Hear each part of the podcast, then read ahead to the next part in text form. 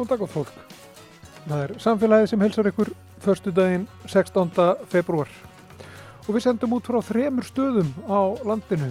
Frá Efstaleiti, þar sem Jón Þór Helgarsson tæknimaður situr. Frá Flateri, þar sem Guðmundur Pálsson er. Og frá Akureyri, þar er Arnildur Háldanadóttir. Já, og efni þáttarins kemur líka úr þremur áttum. Við byrjum á Akureyri. Hér er skíjað, kallt og frekar stilt. Vettlingaveður, ég veit að betur er einsla því ég fór þann út vettlingalauðs. En við ætlum að tala um tré. Akureyri er stundum köllu bærin í skóginum og það eru mörg gömul og tignarleg tré sem setja mark sitt á bæin. Sniðgötubyrkið, þrýforkslerkið við Bjarmastík, Aspariðsinn við Odderagötu, svona svo dæmisjöu nefnt.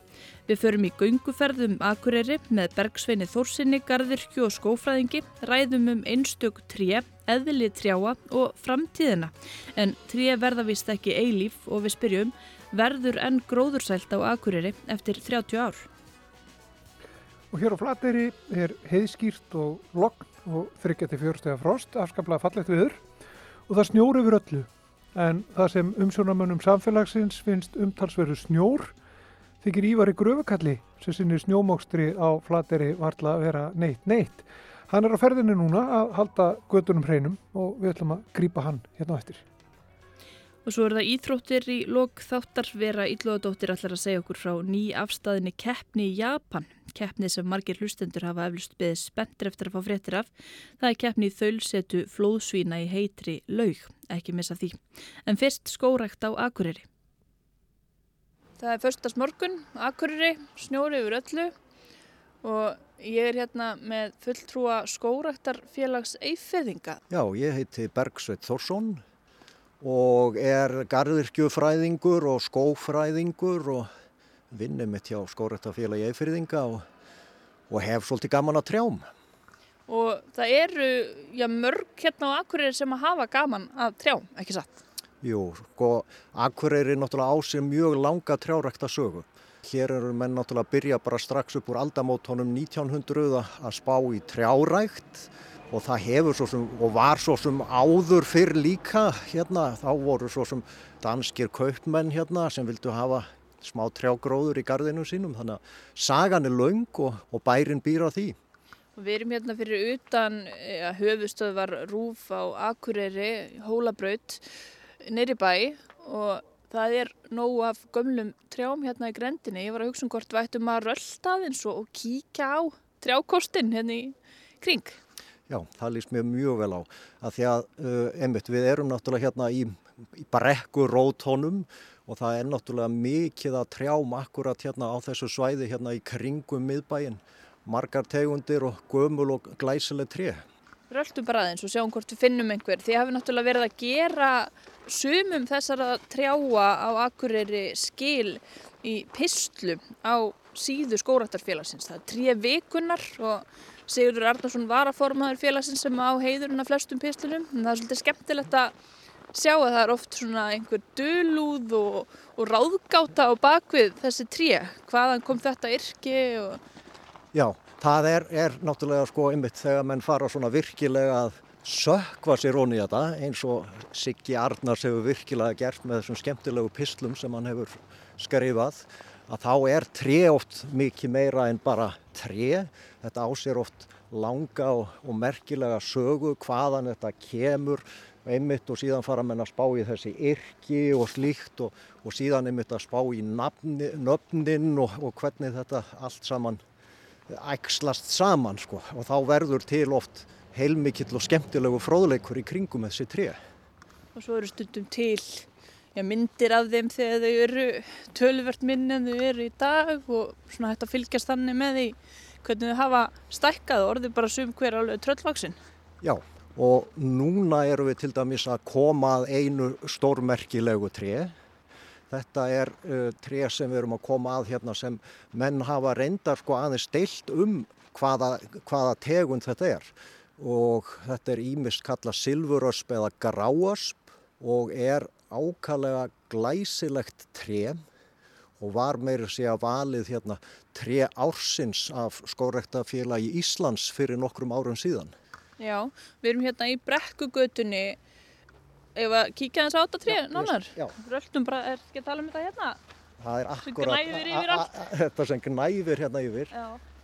Og það er erfitt að lýsa tré í útvarpinu en það sem einkennir svolítið þetta tré er einmitt þessi sko stórmerkilegi stopnáði og, og börkurinn sem er nánast bara eins og sko heilt landslag. Hann- er svo grófur að þetta eru sko bara fjöll og dalir sem þú sérð í þessum berki á þessum trjám. Það er óvanalegt að sjá svona grófan börk á tré á Íslandi. Já, þetta er eiginlega sko ef þú sérð tré sem er með svona alveg óvanalega, grottalegan börk að, þá eru þetta góðar líkur að þetta sé þessi gráösp eða, já, eða, eða silfurösp. Af því að þarna hafa fræðingarnir þegar menn fara að skoða þessi tré í smáatriðum að, að þá er ofta einhver svona greiningar enkenni og síðan stundum sko stangast greiningar enkennin á og, og þarna eru menn bara ekki alveg á einu máli um það hvaða, hvaða tegund þetta er nákvæmlega. Vitið eitthvað um uppurna þessa trés, hvernig, eða, og aldur? Já, en ég man það ekki. En það er ekki ansi gamalt, sko. Ef við værum heppin þá væri skildi hérna við þetta tré nefnilega. Heldur að það sé undir snjónum kannski? Svo banka en síða.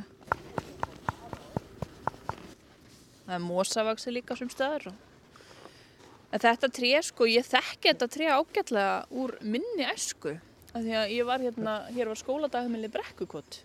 Já, Þannig að þegar ég var lítil þá kallaði ég þetta tré ófaðmannlega tréð. Saga þessa trés er nokkuð vel þekkt. Sagt hver gróðusetti og hvenær. Mér minnir að þetta sé nálagt 36 jafnvel sem þetta hafi verið sett eða, eða gróðusett. En, en hvernig stendur á því akkurat að þetta tré kemur hingað af því að þetta er einmitt svona dæmi um algjörlega einstakt tré. Við bara höfum ekkert annað svona tré hérna í bæjarlandinu. Þetta er bara þetta eina tré og hvernig það akkurat berst til Íslands það held ég að sé eiginlega bara svolítið hulinir aðgáta sko.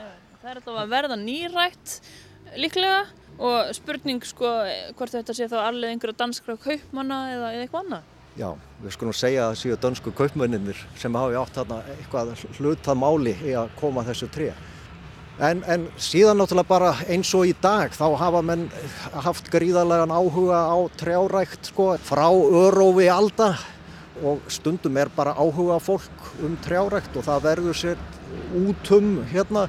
Kanski hefur einhver verið að þvælast út í hinnum stóra heimi og, og náði mögulega stikling að því að það, það er einmitt eitt með þetta tré að því að það hefur gengið illa að, að greina það að það er hægt að taka sagt, stikling eða græðling að þessu tré og fjölga því sagt, með græðlingum. Þannig að mögulega hefur einhver bara átt leiðum Danmörku eða, eða hérna, Evrópa einhver staðar og náði svona tré eða stikling af. Það er snjóra á Akureyri og hér er verið að móka brekkugötuna þannig að það er svolítið ónæði af þessu. Við erum ekki alveg hérna bara í kyrðinu að hlusta á fugglasöngin. En það eru fleiri svona trí, ef að, líta um fleiri, veistu um fleiri í nágruninu? Við skulum rölda aðeins. Viltu fara nýri bæ eða upp eftir? Við skulum fara hérna aðeins upp í. Já. Þá röltum við upp Odderagötuna, ætlum að reyna að fá smá fjarlæg á, á þessi snjóruðningstæki. Hérna er ösp sem að, hún er óvinju há, er það ekki? Jú, þetta er kandidat í að vera hæsta ösp akureyrar. Uh, það er ákvæmlega erfitt að mæla tré. Þannig að þetta tré hefur verið mælt oft og mörgusinnum og það rokkar svolítið í hæðinni eftir því bara hver er að mæla. Og, en þetta er tré sem er einhverjir svona nálægt í að vera 23 metrar og stendur svona nokkuð stakt og er sem bara frekar áberandi svona í göttumyndinni. Uh, gróðusett trúlega rétt fyrir 1950 og er þar að leiðandi bara með allara eldstu öspum bara landsins getur við sagt. Að, að því að öspin kemur ekkert fyrir en hérna rétt fyrir 1950 til landsins fyrst. Og hún stendur hérna fyrir framann hús við Odderagötu 12. Já, það passar. Og, uh, og þó að öspin sé nú yfirleitt kannski ekki talin alltaf neitt sérstaklega hendugt gardtré, að þá er hún samt alveg ofbáslega mikilvæg í rauninni sko, fyrir þessa sko, skóar heild sem svona akureyri er svolítið, sko, eins og hún stundum verið kolluð sko, bærin í skóginum.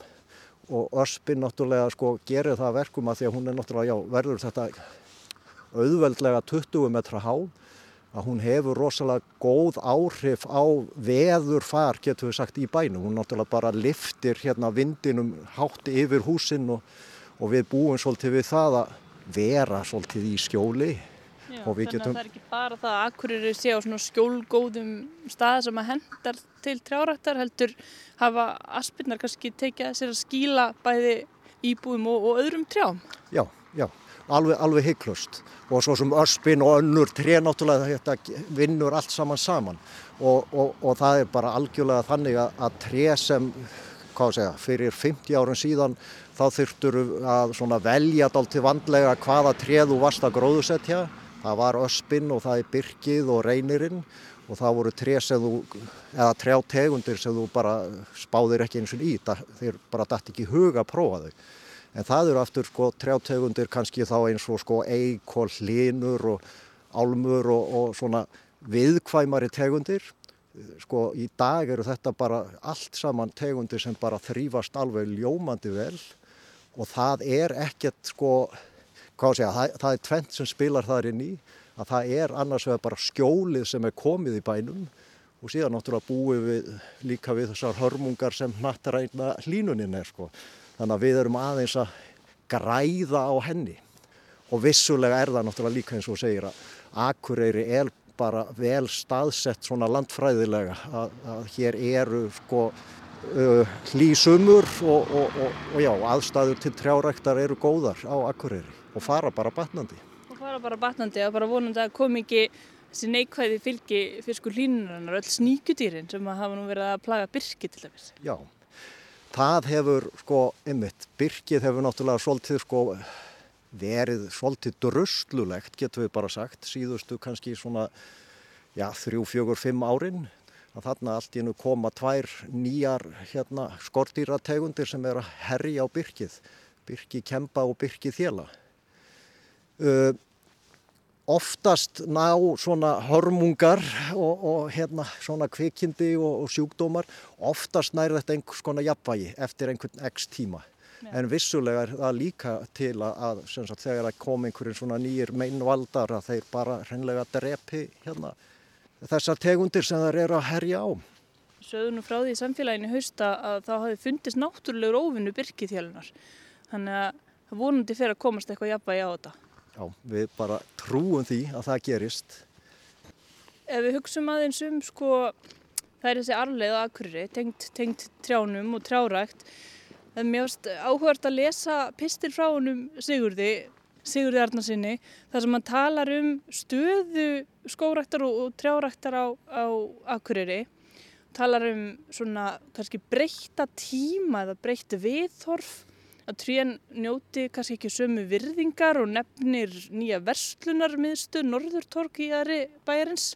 Þá hafi heilt skjólbelti bara verið felt til þess að auglýsingaskildin sæjust betur. Er mikið um svona í raunin að það sé verið að taka bara að rýfa upp með rótum heilu skjólbeltin kannski án þess að þessi raunverulega þurfi? Já, því miður þá held ég að sé nú svolítið um það að menn gangi of langt í, í þessar, þessum trjáfellingum. Stundum erum við að leita að hérna, sólinni en, en stundum er þetta bara algjörlega eiginlega bara óskiljanlegt af hverju menn eru að ganga svona langt í trjáfellingum eins og vissulega maður sér stundum. Þegar oft getur fellt eitt, tvö, tre en leift einu eða tveim aftur að standa og, og, hérna, og skapa þannig skjólið og líka bara sko fegurðina sko og svona ímins dæmi tengdi nýri hverfum, haga hverfinu og nusta hverfinu þar sem að hefur ekki verið lögð jafn mikil rægt við gróðursetningu og, og trjárækt. Ég held að þetta sé rétt að allavega alveg klárlega einhverju leiti að, að hérna, trjáræktin á sér kannski ekki alveg sama sess í dag eins og hún hafði fyrir áratugum síðan en við mögum nú ekki alveg sko gefa upp alla von samt sko að, að Það er náttúrulega einhverju leiti líka að þegar þú kemur í, í hverfi sem er orðið eins og hér sko 70 ára gamalt þá náttúrulega sérðu hvert einasta tré sem var gróðusett fyrir 70 árum síðan.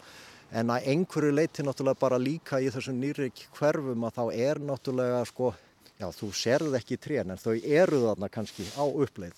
En ég, en ég óttast það nú samt aðeins líka að, að menn hafi aðeins sopnað á verðinu með þetta að búa til skjólið með því að vera gróðusettja tré.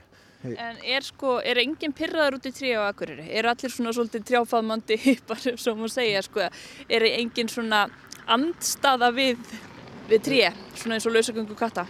Nei, það er ekki andstaða við trí. Ég held að þetta sé frekar einmitt bara þetta hugsunarleysi.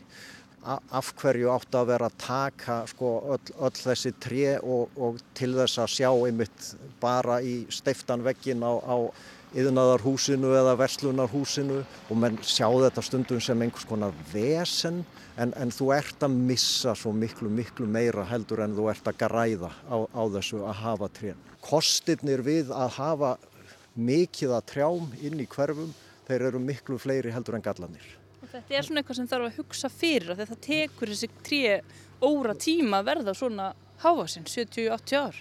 Já, já. eins og þessi risa ösp hérna. Já, og það er sko, sko tré er svolítið svona bara eins og mannfólkið sko að þau eru börn og unglingar og síðan verða þau fullorðin og síðan verða þau gömul og, og svona flestar trjátegundir eru kannski að vaksa hvað hraðast þegar þau eru þetta sko 20, 30, 40 ára gömul og síðan fer kannski að hæja á vextinum. Og, og, og til dæmis eins og bara með sko byrki og reynir að þá er kannski einmitt sko bara, bara þetta alveg nákvæmlega eins og með mannfólkið. Að þau eru orðin gömul þegar þau eru orðin 60, 70, 80 ára gömul og verða kannski ekkert mikið meira en, en 100 ára. Og í, í sumum tilfellum minna heldur en það. Þannig að við kannski eigum ekki bara að vera að hafa áhyggjur af, af nýju hverfinum, nustakverfi, hagakverfi, hvað með bara hverfi eins og brekkuna sem er svona þekkt fyrir þessa gróðursælt en tríin orðin svona gömul og kannski ekkert verið að planta mörgum nýjum og er, er hægt á því að þau bara hér verði trjálust eftir 30 ár? Sko, nei, það, það verður ekki trjálust en, en bara eins og þegar við stöndum hér og horfum í kringum okkur, við erum náttúrulega með þess að bara gullfallegu göttumynda því að við erum með mikið að reynið trjám hérna á milli sko göttu og húsa. En, en maður sér á þessum trjám að þau eru farin að eldast. Þau geta verið gömul bísna lengi. Uh, eldstu reynitri sem sögur fara af hafa orðið kannski þetta sko 170 ára gömul þannig að þau geta verið gömul bísna lengi uh, og síðan ertu náttúrulega alltaf með líka tegundir sem eru langlífanir. Ég menna við sjáum hérna lerkitré og við sjáum sittgagareni þetta eru tré sem geta orðið kannski einhverja hundraða ára gömul. En, en vissulega er ákveðin hætta, sérstaklega það sem ert með mikið af byrki og reyni og, og, og hverfin eru farin að nálgast hundraðára aldurinn, að þá fer að fækka alveg klárlega mjög þessum, já, þessum tegundum og ef menn hugsa ekkit út í það að setja eitthvað nýtt í staðinn, þá fækkar trjánum og, og ég held að menn verði bara að taka þetta mjög alvarlega og hérna gróður setja ný tré þar sem mann sjá fram á að það séu að fara að dreppast vegna ellið þau sem eru fyrir. Þannig að það er mikilvægt að hafa þetta alltaf í huga ef að fólk vil viðhalda þessum lífsgæðum sem að felast í trján. Já, það, já, menn þurfa bara aðeins alltaf að vera að hugsa bara í þessu eins og í öðru.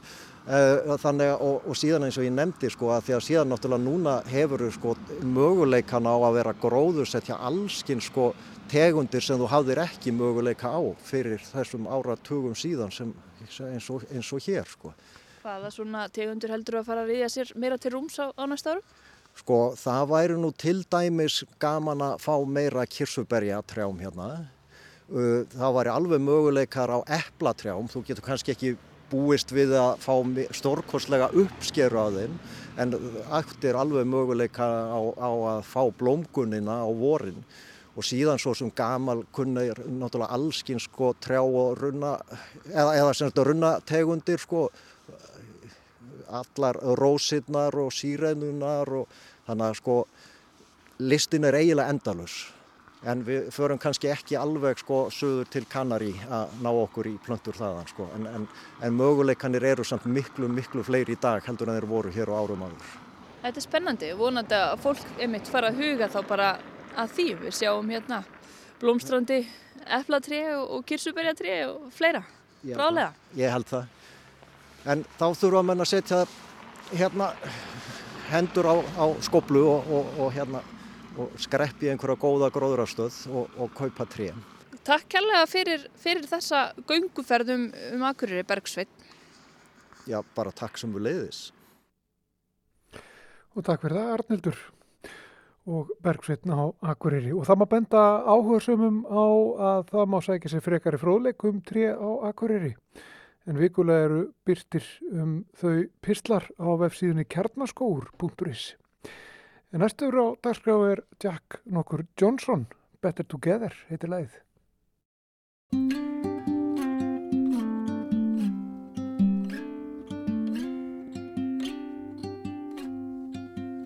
There's no combination of words I could put on the back of a postcard No song that I could sing, but I can try for your heart our dreams, and they are made out of real things, like a shoebox of photographs with sepia tone loving.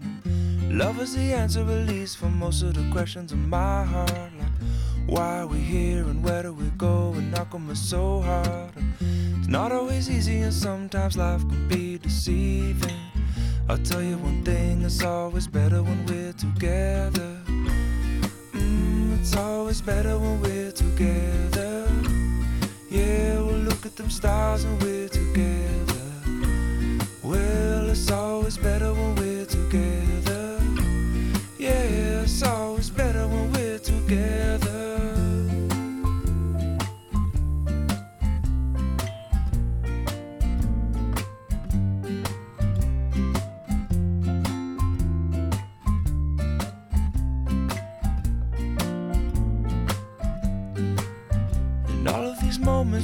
find their way into my dreams tonight.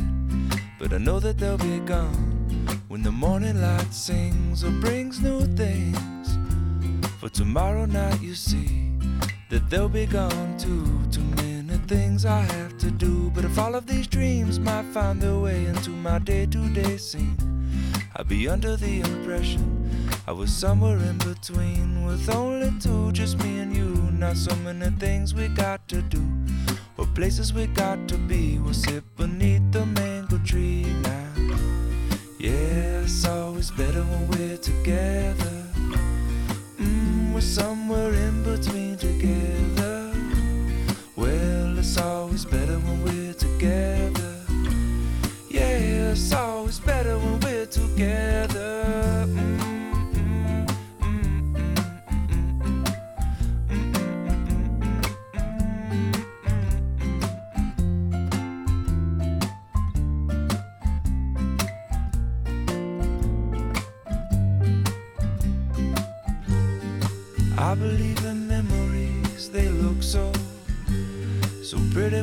Sleep.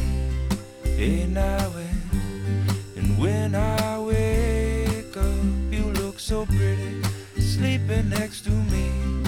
But there is not enough time, and there is no, no song I could sing, and there is no combination of words I could say, but I will still tell you one thing we're better together.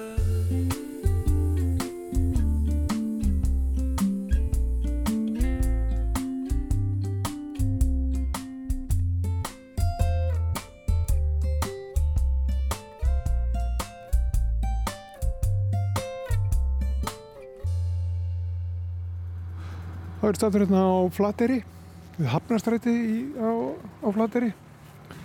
Það er nú svolítið snjór hérna, ekki svo mikið samt sko miða við hvernig þetta verður stundum hér á norðanverðu vestfjörðan. Kanski finnst sumum þetta bara lítill snjór. En það er búið að riðja hér tölvöld miklu snjó og það er heilmikið verk. En svo alltaf á, á vetu það hér og svo sem að stýri því er Ívar Kristjánsson Ívar Gröfukall uh, eins og hann kallar sig og eins og fyrirtækja þessi heitir Ívar Gröfukall hann er hér á mikilli, mikilli vél og hérna á vingunum hérna við sjáum hvort hann hafi tíma hefur tíma til að tala við okkur aðeins? Já, hvað það er? Þessar Hvað séru? Ég sé bara fín. Já, hvernig fórst að stað? Uh, ég fór nú hálf átta í morgun og seint í dag, það lítið lítið snjór. Hvernig er dagurinn annars svona Annars hjá er- þér sem heldur þessu öllur hreinu hérna?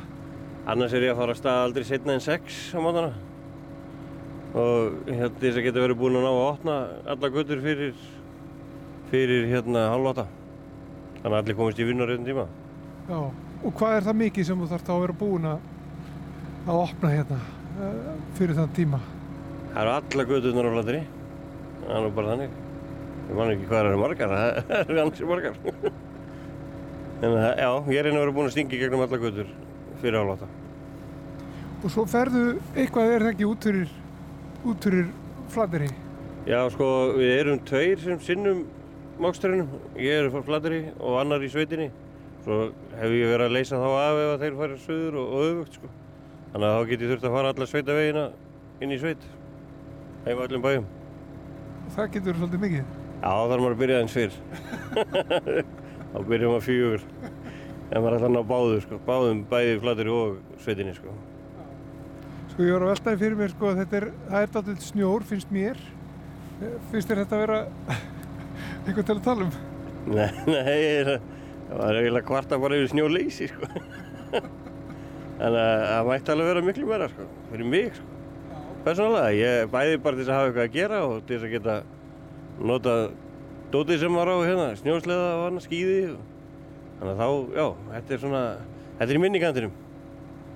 Þú ert í því að losa aðra við snjóin en þú vilt hafa svolítið hafa. Já, ég vil hafa, ég vil að bæti alltaf jaft og þétt í svona yfir veturinn, þannig að maður bæði hafa eitthvað að gera og eins og segja, verði svona, svona skemmti fært. Já, einmitt. Hvernig, sko, ertu með eitthvað kerfi á þessu? Eh, Hvernig þú rýður göttunar hérna? Byrjar á sama stað alltaf eða út nú heima hérna rétt hjá? Byrjar þar? Nei, ég passa mig að enda alltaf heima á mér. Konunni mín er til mikill að gleði. en hérna, ég, já, ég fer alltaf sama ringin eiginlega. Byrja að kallast ringurinn hérna, ringin í kringum meirina. Og svo fer ég inn í, já, ég eiginlega tekið alltaf sama sömu leið, sko. Svo tek ég bara hverja götu fyrir sig og ég svona reyna að sí- sikta út þá sem er að vinna í burtu. Reyna að klára þær götu fyrst. En annars, eins og segja, þá ætti ég að vera búinn ef það er ekki þeim meiri snjór að vera búinn fyrir hálfáta. Sko. Annars, ef það er eitthvað miklu, miklu meira að snjó þá byrja ég kannski bara aðeins fyrr. Til þess að vera búinn að móka. Og hvað verður um snjóin? Hver- Hvert rýður honum? Að stundum þá er tölvöld meiri snjór en, en er hérna núna. Þó mér finnist þetta nú bara tölvöld snjór. en það eru hérna fjöll á- af snjó eh, stundum á vetunda sem er búið að ryðja til. Hva, hvað verður um þetta? Það eru, það eru hérna, við erum nú hérna við, við höfnina og, og hér eru stóri hraukar af snjó. Endar það hér? Í, í, og við höfnina eða hvað? Er, er þetta að ryðja þessu út í sjó eða hvað? Ég reyna að koma þessu sem mestu út í sjó til þess að losa okkur við þetta. Eða þá allavega á grundina hérna á þessu svæði, sko. Þannig að sé sem minnst inn í gödunum, sko. En það er náttúrulega alltaf einhverju haugar inn á milli sem að, sem að hérna fá að njóta sínin. en að reyna, reyna að koma sem mestu út í sjó. Það er ekki einhver móka í burtu neitt, það er ekki flutt í burtu. Já, sko, ef við, ef við lendum í að keiri burtu eins og við lendum í til dæmis 2020 að þá, sagt, keirum við í öllu sjóin. Það var bara vörubílar sem að keira þessu sjóin í höfnina, sko. Og 2020 þá fjall hérna einmitt snjóflóði í höfnina. Já, einmitt. Þá var, þá var mikill snjór. Það er svona jæðraði við að vera eins og var í gamla daga, sko. Sem að mann eitthvað sem krakki, sko. Alltaf ból að gafi, sko. Sem er líka bara vel, sko. Það er bara vínt, sko. Það er ekki að því að þú ert minni, að, þá virkuð skaplandur herri. Já, örgulega líka, sko. En þetta var, já, það getur verið. Og tækjum voru minni líka. En já, það var alltaf kafi hérna sem var krakki, sko. Ég man, man bara rosa vel eftir því sko. Þetta hálfstundum að þetta maður að synda í, synda í snjónum í skólan sko. Það var ekkert eins og í dag sem að það má ekki reyfa vind og það var búið að aflýsa öllu. Þannig þurfti maður bara að elda ljósastyrana til þess að sjá hvert maður var að fara sko þegar maður var að fara í vinna. Brjálu, nei í skólan, brjáluðu veðri og þótt ekki tiltökum mál sko. Þannig að, Það var engin Ívar Gröfugall að að hreinsa. nei það var að Gretar á gröðunni.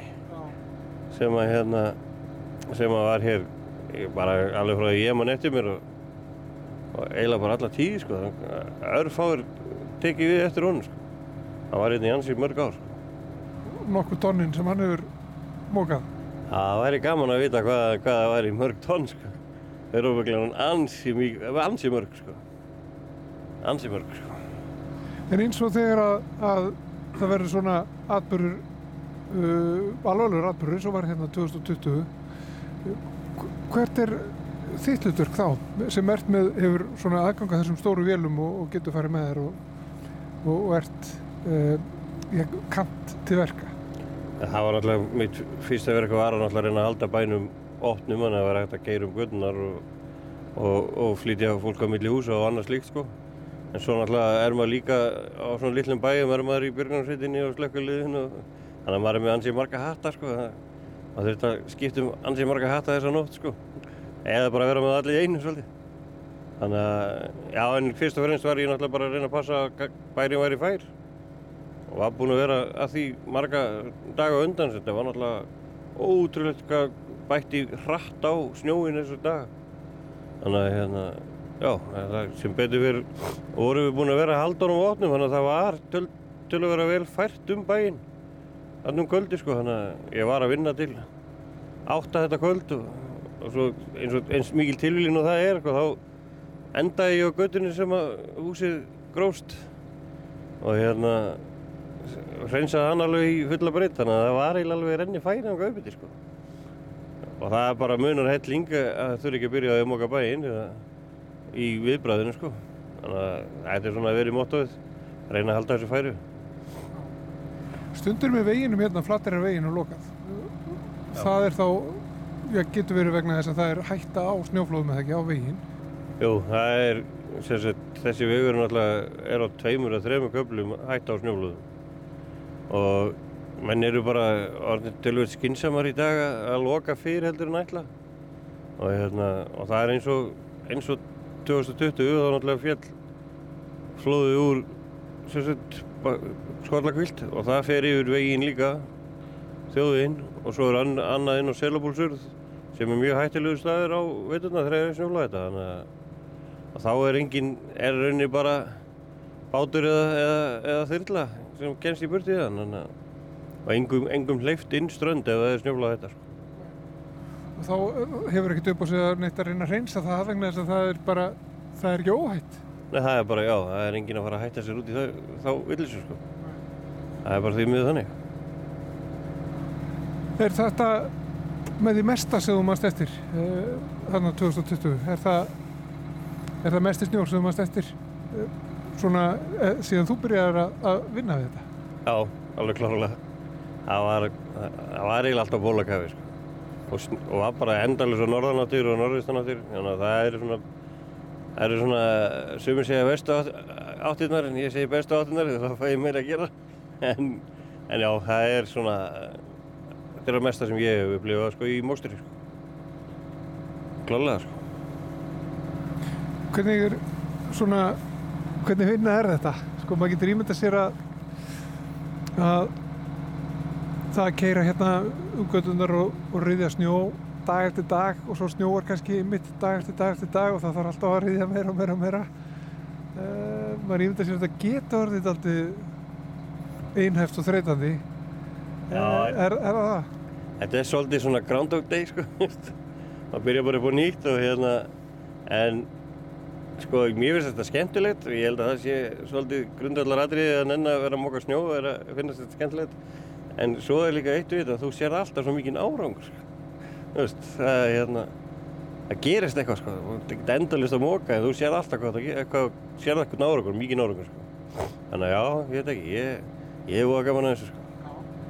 Það getur verið, geta verið langi dagar sko, geta verið alveg frá 6 á mótnana til 7 á kvöldin sko, þannig og stundin lengur ef það er eins og 2020 sko. Þá var meðal mánuður í kringu 260 tímar hjá mér.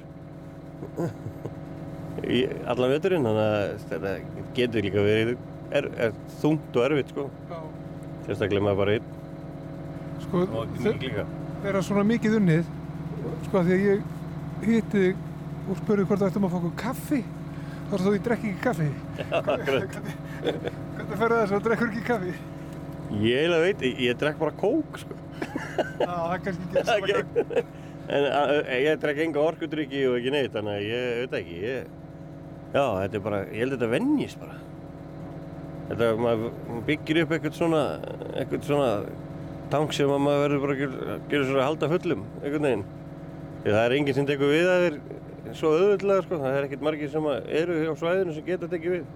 Sérstaklega ef að veginnir eru lokaðir og annað, sko, þannig að það þarf að koma menn annars staðar að, sko, til þess að leysa mig af. Þannig að þá er ekkert elsku amman eitt, sko. Þannig að þú getur, það getur komið um svo staða hérna að þú ert, ég bara fær bara eitthvað flensu eða eitthvað eins og, eins og aðri fá. Þú eru satt bara að láta hafa. Já, já, að maður hefur alveg mokað með 40 stegi í þetta, sko.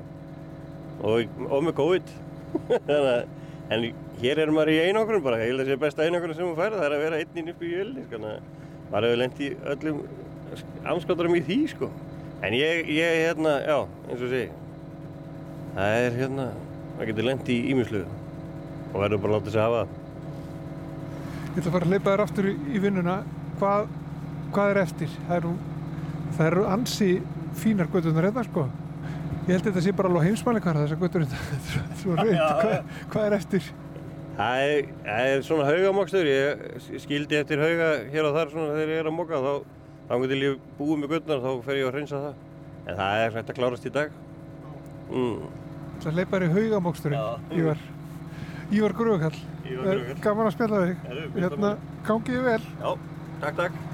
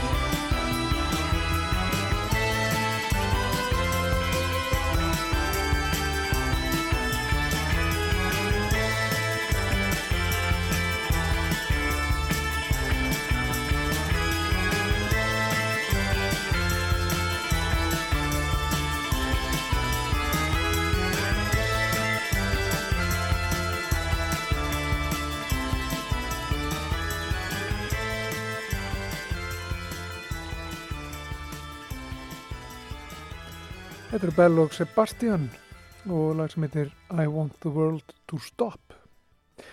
En Vera Íllóðdóttir, hún ætlar að segja okkur hér og eftir frá uh, úrslitum í æsi spennandi keppni flóðsvína uh, sem keftu því hversu lengi þau getu setið í heitri laug í Japan. Spennandi. Uh, ekki missa því hérna eftir smá stund. Við ætlum fyrst að heyra eina málfarsmínútu. Það er Anna Sigurður Þráinsdóttir sem tekur við.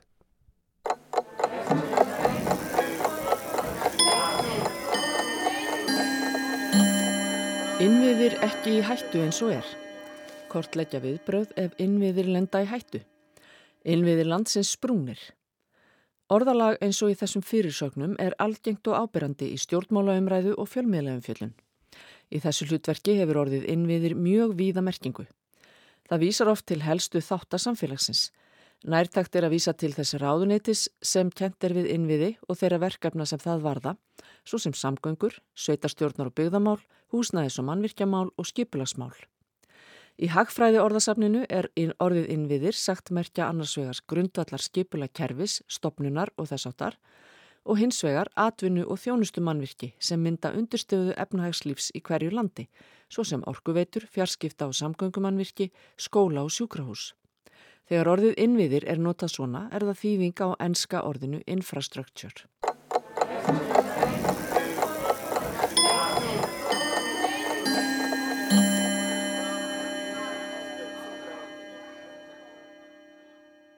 Við fjöldum ekki oft um íþróttir í samfélaginu, þó kemur það fyrir.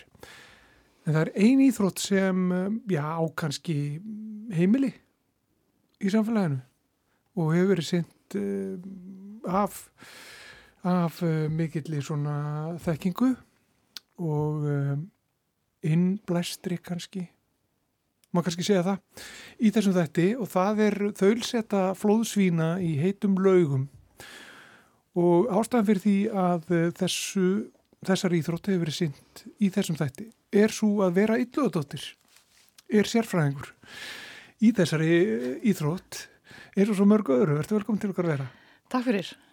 Nú e, dróð til tíðenda fyrir stuttu vegna þess að það er nýr meistari í þölsetu flóðsvína í heitum lögum. Já, svo sannarlega. Þessi keppni er haldinn á hverju ári yfirleitt um, um þetta leiti árs uh, í Japan. Uh, þölseta flóðsvína í heitri laug og hefur verið gert, þetta hefur verið keft í þessu núna, ég held að þetta hafi verið tólta árið í, í, í, í röð, Ma, má segja að þetta séu svona, já, vetrar leikar japanskra flóðsvína, það eru fimm dýragarðar eða dýra svona verndunar svæði viðsvegar um, um Japan sem, a, sem að halda þetta á ári hverju uh, í februar eða, eða, eða januar Þetta eru dýragarðar í borgunum Isu, Nagasaki, Saitama, Nasu og Ishikawa. Og þar eru sem sé flóðsvín og flóðsvín þessi stærstu nagdýr jarðarinnar. Uh, mjög stór, uh, stór kveikindi líkjast í raun og veru naggrísum eða, eða, eða risastórum hömstrum kannski dálítið geta orðið alveg 60-70 kíló að þyngd og 130 cm laung þannig að þetta eru stór dýr og eins og hlustendur vonandi vita þá uh, búa þau upprunarlega í, í Suður Ameríku í, í Votlendi þar en hafa náð vinsældum uh, víða um heim, skiljanlega, af því að þetta eru mjög skemmtilegar og sætar og, og merkilegar skeppnur, sérstaklega uh, í miklu uppáhaldi hjá Japanum sem hafa tekið ástfóstri við, við flóðsvinnin en uh, í svona yfir vetrartíman í Japan það er kannski ekki uh, alveg það loftslag sem flóðsvinnin eiga að venjast uh, heima fyrir og uh, talsvert kaldara en í, en í uh, Votlendi og skóum Brasilíu allavega. Þannig að uh, flóðsvínin í þessum japansku görðum þau stunda það til þess að halda á sér hýta yfir vetramánuðina að liggja í heitum laugum. Bara nákvæmlega eins og, eins og, eins og mennskir japanir gera mikið, þetta mikið af, af, af jarðhitta laugum og, og slíku í Japan. Og uh, þetta, þetta gera svínin til þess að halda á sér hitta og, og uh, mikil vatna dýra þetta og þess vegna var, var emt til þessara leika eftir að, eftir að fólk fór að vekja uh, veita því eftirtekt að, að dýrin geta setið í þessum heitu laugum ótrúlega lengi og miklu lengi lengur en, en, en mennskir pottabúar uh, held, held ég að megi, megi segja. Og uh, þetta sem sé fer þannig fram að dýragarsverðir í þessum uh, fimm dýragörðum, svona uh, sirkabáta á, á sama tíma, hafa útnefnt eitt uh, flóðsvín sem er keppandi ársins fyrir þann, þann garð. Uh, því svíni er síðan bent til laugarinnar og síðan er tekið, tekin tímin á því hver langur tími líður uh, þanga, til að, þanga til að dýrið fer síðan upp úr, upp úr lauginni.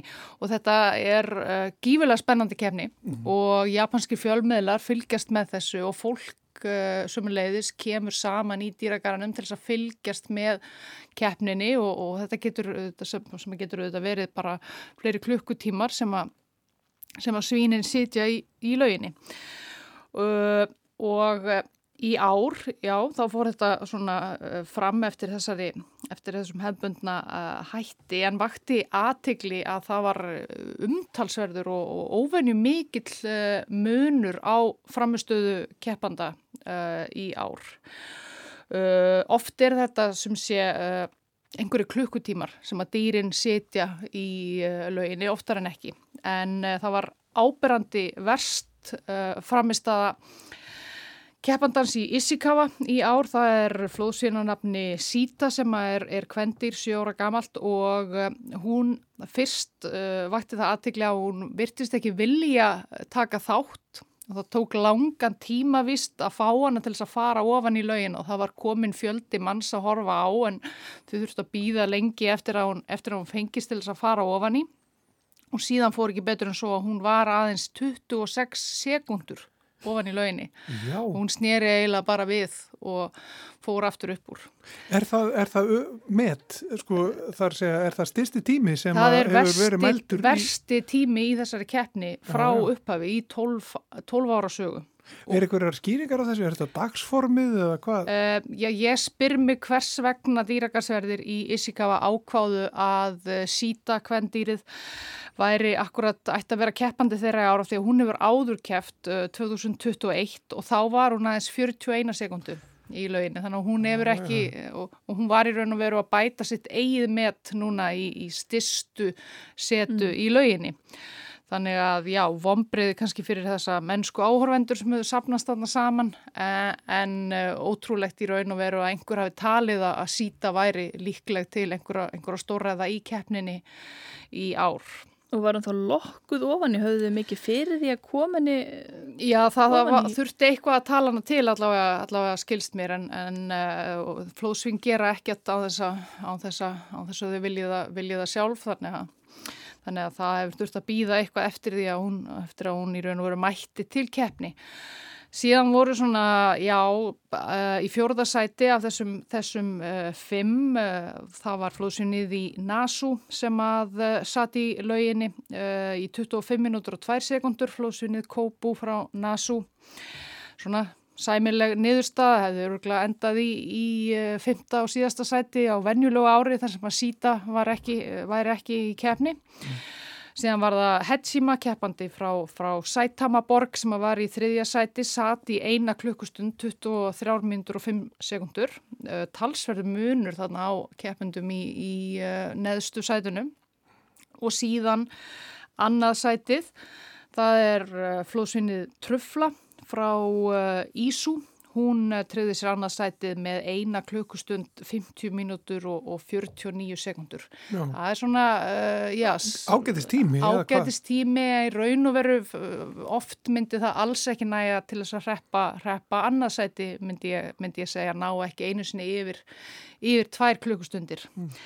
En Sigurvegarinn í ár var nokkuð ótvíraður. Uh, Það var keppandinn frá uh, Nagasaki borg, uh, Karldýr 10 ára gamalt sem, að- sem að heitir Donuts upp á, upp á ennsku og Kleini? hann, hann, Kleinurringurinn. Kleinurringurinn, Já, já. hann satt í sinnilög í 2 klukkustundir, 53 mínútur og 57 sekundur, þannig að það munaði meira en klukkustund á fyrsta og öðru sæti. Já, Og eh, s- bara mjög góð framistaða hjá kleinurringnum og eh, vakti líka aðtegli þar sem að, þar sem að hann kefti líka í fyrra og var þá raunar í síðasta sæti, í fymta og síðasta sæti, þá satt Donuts bara í uh, lauginni sinni í 8 mínútur og 42 sekundur en uh, kom svona tví elftur til uh, baka uh, nærri því þrjár klukkustundir sem, sem að hann satt í, í ár.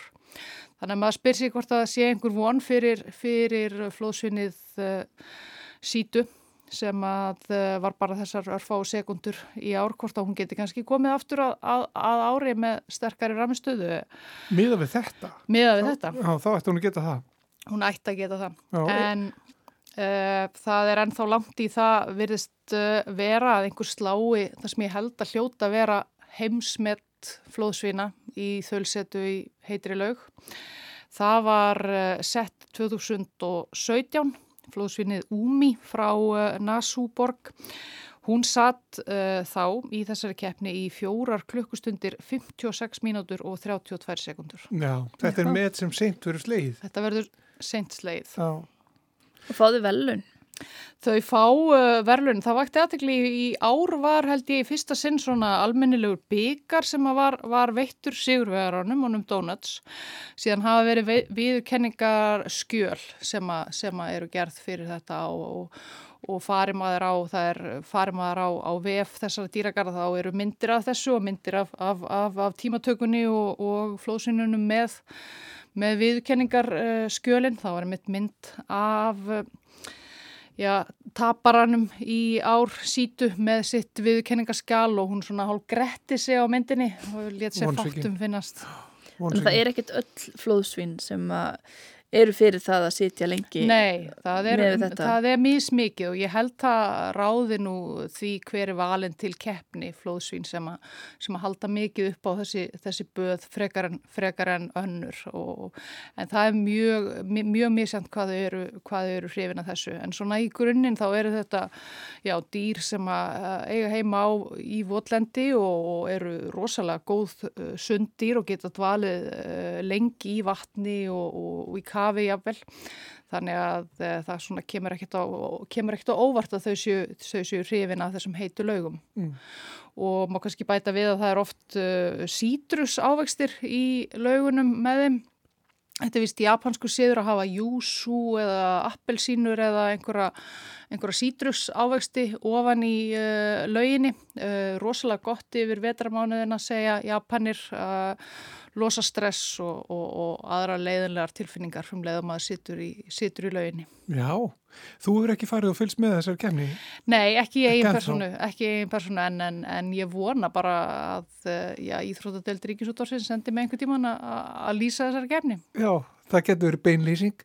Eh, vonandi myndur þá fara í dýragarð þar sem eh, líklegt er að, að flúðsvín sýtir svolítið lengi. Já, Krefjandi að lýsa í, í fimm klukkutíma samt, sko.